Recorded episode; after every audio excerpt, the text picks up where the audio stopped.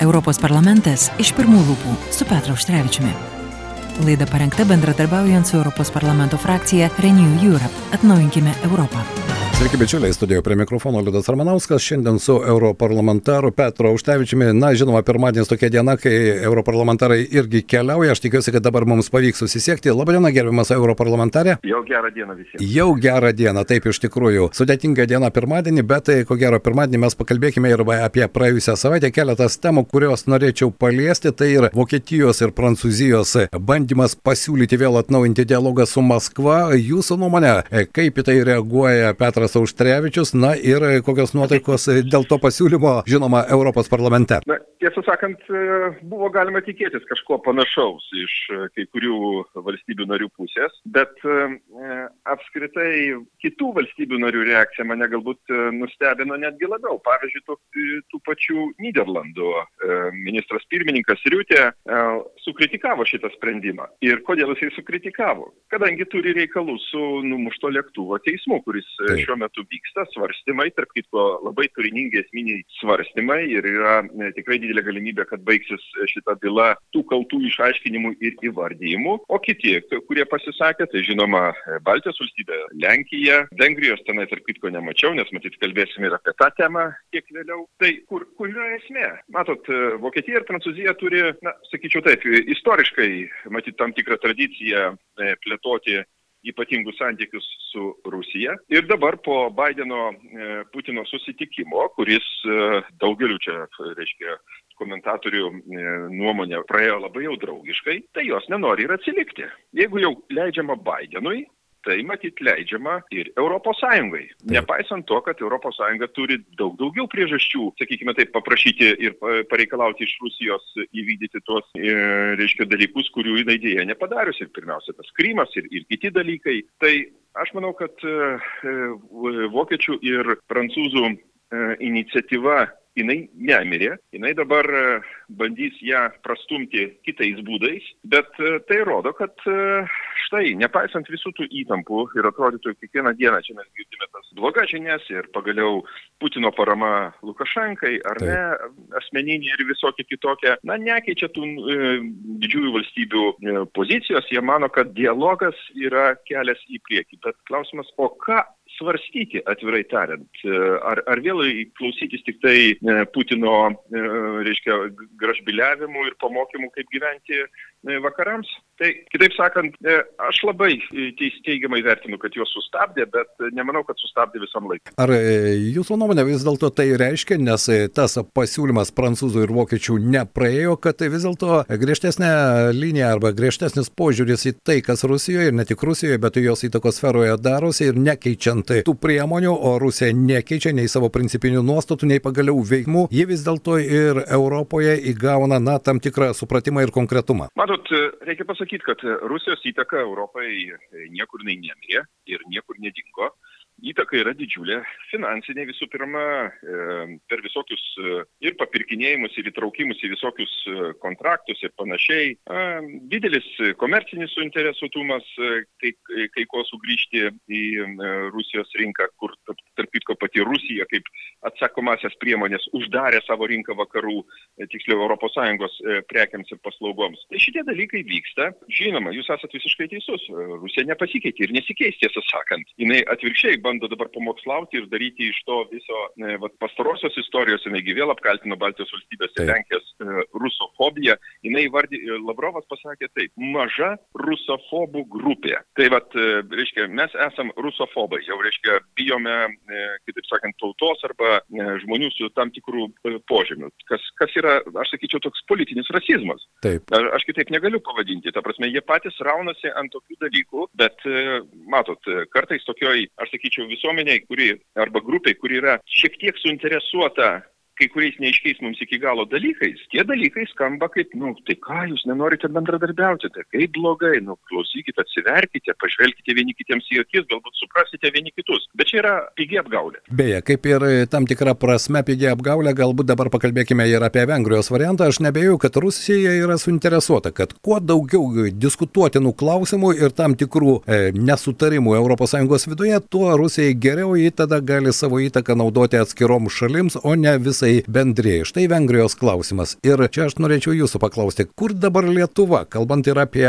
prezidento atsisakymą pasirašyti laišką ir jo poziciją, tai mes rytuose, vakaruose ar dar vis ieškome savo kelio. Kokia jūsų nuomonė? Matote, šis klausimas yra toksai jautrus. Iš vienos pusės taip, e, vengrai priėmė įstatymo nuostatas, tarp kitko tikrai ganėtinai panašios nuostatos galioja ir Lietuvoje, todėl taip. mums patiems reikėtų suklusti, ką mes esame įrašę į savo įstatymus ir ar jie iš tikrųjų atitinka e, visuomenės e, pasaulyje žiūrį ir apskritai mūsų norą būti su vakarais, o ne su rytais. Jo labiau, kad rytai ir ypatingai Rusija labai intensyviai būtent išnaudoja tą vadinamų tradicinių vertybių, kaip jie sako, va šeima, čia tikėjimas ir kiti dalykai nors žinome, pas, kokios pas juos ten tradicinės vertybės ir koks požiūris į tą paprastą žmogų, e, kuris e, štai atsidūrė vienas prieš gyvenimą ir kaip su juo susitvarko sistema. Tai nereikia mūsų apgaudinėti šituo atžvilgiu, bet jie iš tikrųjų išnaudoja Vengrijos e, tą atvejį Ir pati Vengrija, ir kai kurios kitos valstybės, kurių vadovai mano, kad Orbanas turi išimtinę teisę kalbėti apie e, tradicines šeimas, apie auklėjimą taip, kaip jisai daro. Na ir taip atsitiko, kad Lietuva atsidūrė toje, toje draugėje. Aš manau, kad net nepaisant to, kad e, mes viduj iki galo nesusitvarkė ir pas mus čia siaučia tie vadinamieji e, šeimų maršai, kurių, kaip sakant, kai kurie dalyviai matome, kuo užsiminėja ir Taip. kokią propagandą skleidžia prieš, prieš mūsų valstybę. Tai čia yra kaip sakyti, klasikinis e, e, propagandos ir dezinformacijos e, atvejis, tą reikia pripažinti. Galbūt dalis tų maršų dalyvių yra tiesiog išnaudojami, jie yra su, aš sakyčiau, apgaunami šūkiais gražiais, bet tie lyderiai, jie naudojasi savo, savo politiniams ir galbūt komerciniams tikslams pasiekti. Tai man labai nemalonu, kad Lietuva atsirado tenai, kad mes nepadarėme to, ko padarė 16 valstybių, dėja, taip jau atsitiko ir tos tokios takoskiros, jo žinot, geo, geopolitinės tokios mąstymo, na, jos mus palieka, aš sakyčiau taip, rizikos zonoje. Rizikos zonoje, kur galima spekuliuoti šito klausimu ir matome spekuliuojama, vis dar bandoma, reiškia, konstruoti taip. kažkokią tai ypatingą visuomenę Lietuvoje. Tai aš apgailestauju, kad taip atsitiko. Beje, jūs užsiminėte apie šeimos gynimo maršą, jo organizatoriai šiandien paskelbė, kad jie įkūrė asociaciją Lietuvos šeimų sąjūdis ir, na, mano nuomonė, tam tikri tikslai tikslai labai aiškus yra vienokiu ar kitokiu būdu dalyvauti ir šalies politinėme gyvenime, ir ne tik politinėme, bet galbūt palikime juos ir nedarykime jiems papildomos reklamos, taip galima pasakyti, o pakalbėkime apie dar vieną konkretų čia pat esančią problemą. Virš 600 migrantų, kurie jau iš Baltarusijos perlipo Lietuvos sieną, perėjo, perlipo, na, įvairiais būdais. Ir štai praėjusios savaitės ES atsakas į tai, kas darosi Baltarusijoje. Jūsų nuomonė, to užteks, nes pačių Baltarusių, na, ir mes kalbinome eterėje iš e, Baltarusijos pabėgusi IT specialistą, na, jų nuotaikos visiškai aiškios. Mes supratome, kad mes jau nieko nebegalėsime padaryti. Na, jo, reikia matyti reikalus įvardinti, kaip jie yra, tai teisingais vardais. Tai Lukašenka prekiauja žmonėmis. Va taip ir pasakykime jam kad čia e, siunčia nelegalius migrantus, žinot, skamba taip, e, nu, va, nelegalus, siunčia, kaip čia viskas. Ne, jie prekiauja žmonėmis. Tai yra, e, reiškia, valstybinio mafijozinio biznio dalis, nes praeiti sieną tos valstybės, kur KGB renka duomenis ir persekioja žmonės vat, vieną po vieno ir žino jo gyvenimą e, tiksliai, nu, nebūkime naivus. Reiškia, yra kažkokie tai sandoriai tarp tų nusikalstamų grupuočių, galbūt tos pačios nusikalstamos grupuotės, jas subūrė ta pati Baltarusijos KGB, vardan to, kad nubausti nepaklusnę Lietuvą. Jis tą žadėjo anksčiau ir tą dalyką daro. Tai štai, prekyba žmonėmis, iš to jie dar padaro bizniuką, nes kiekvienas kainuoja, ten girdime, tūkstančius eurų. Na ir bando mus, kaip sakyti, dar kartą mums sukurti dar vieną problemą. Maža to sukūrė Astravą, dabar sukūrė, e, reiškia, vat, e, šitą prekybą žmonėmis. Tai ES šitie dalykai kaip ir aiškus, niekam nereikia tenai aiškinti. Žinom, e, kokio, kas per paukštis tas yra Lukašenka, ar ne, bet sustabdyti tą visą e, procesą. Čia, žinoma, užtruks laiko. Užtruks laiko, tai reikia pripažinti, kadangi mes nepadarėm kai kurių namų darbų. Taip. Gyvenom 30 e, metų tikėdami, kad e, šalia yra normalus arba, sakykime taip, civilizuotas kaimynas, bet pasirodė, kad ta, tos valstybės vadovas yra, sakyčiau taip, politinis beprotis. Kitaip jo nepavadinsi. Tai, žinot, sukurti normalią sienos apsaugos sistemą, ar ten bus tvora, ar bus kažkokios stebėjimo priemonės ir greitos reagavimas su galbūt net Europos Sąjungos, va, Frontexo, tiksliau, išorinės sienos apsaugos agentūros pareigūnais, iš tikrųjų reikia. Bet, liūdai, noriu grįžti šiek tiek retrospektyviai. Atsimenat, kai buvo ta migracijos krizė ir vat, sakėm, kad vat, Lietuvai irgi reikia prisimti, padėti šiek tiek Taip, aš pasidalinti tą naštą. Ir, ir labai dažnai vartojame tą vat, e, galimą situaciją ant mūsų sienų. Tai vat, vat, dabar, reiškia, iš tikrųjų tas vaizdas ir pildosi, ta vat, e, blogoji pati, e, sakykime, e, scenarijaus dalis, kad tokia situacija atsidūrė prie mūsų. Ir tiesą sakant, jinai nebūtinai yra jau pabaiga. Mano manimu, jinai tik tai yra tos blogos ilgosios pasakos e, pradžia, todėl reikia labai rimtai vertinti. Be jokios abejonės ir aš prisimenu, iš tikrųjų, ten toli, žinot, Italija, nu kam ten įdomu, Graikija, juk ten e, nuvykstame tik patostogauti ir vėl grįžtame. Ir e, ta migrantų problema iš tikrųjų atrodė labai tolima. Dabar, kai čia jau visą tai prasideda, tada mes jau suprantame, kad, na, reikia ir ES e, pagalbos. Tai štai to pagalbos supratimo laiku ir vietoje, ko gero klausimas, jis vis tiek dar išlieka aktuolus ir mūsų visuomenėje. Sutikite su tuo? Absoliučiai. Ir tą reikia,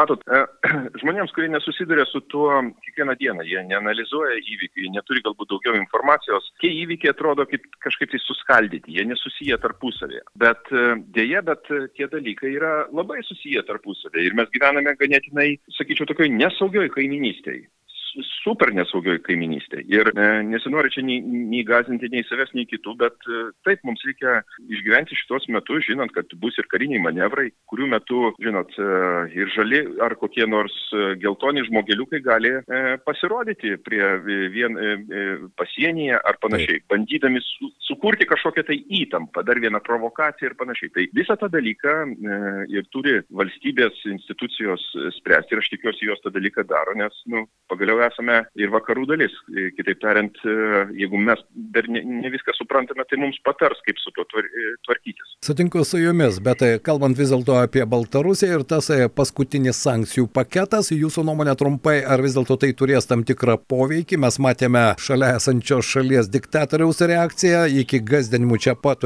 pasienyje Gardinos rytyje įvesti karinę padėtį. Na, ko gero kalbėti apie jo retoriką ir ieškoti ten logikos tikrai sudėtinga, bet jūsų nuomonė, ar tas sankcijų paketas, nes tai tikiuosi ne paskutinis, jis gali kažkiek keisti požiūrį. Būtent, aš pavadinčiau šitą e, ketvirtą ir penktą sankcijų paketą kaip paskutinis šūvis, perspėjamasis šūvis. Kodėl perspėjamasis? Todėl, kad e, štai ir dabar informacija jau yra e, pas, e, pateikta, kad iš esmės labai mažai pakeis čia tuos ir traukinių judėjimus, Taip. e, ešalonus pilnus trašų per Lietuvą ir Klaipėdą ir panašiai. Nebent Lukašenka vis dėlto nuspręs, nedėlsiant bandyti juos nukreipti į Rusijos uostus, ko jis negali beje padaryti bent porą metų, nes ten nėra atitinkamos infrastruktūros. Tai e, kol kas, kaip sakyti, perspėjo, bet iš esmės šitos sankcijos nepalėtė nei dizelino, nei e, benzino, nei tikrųjų kalio trašų.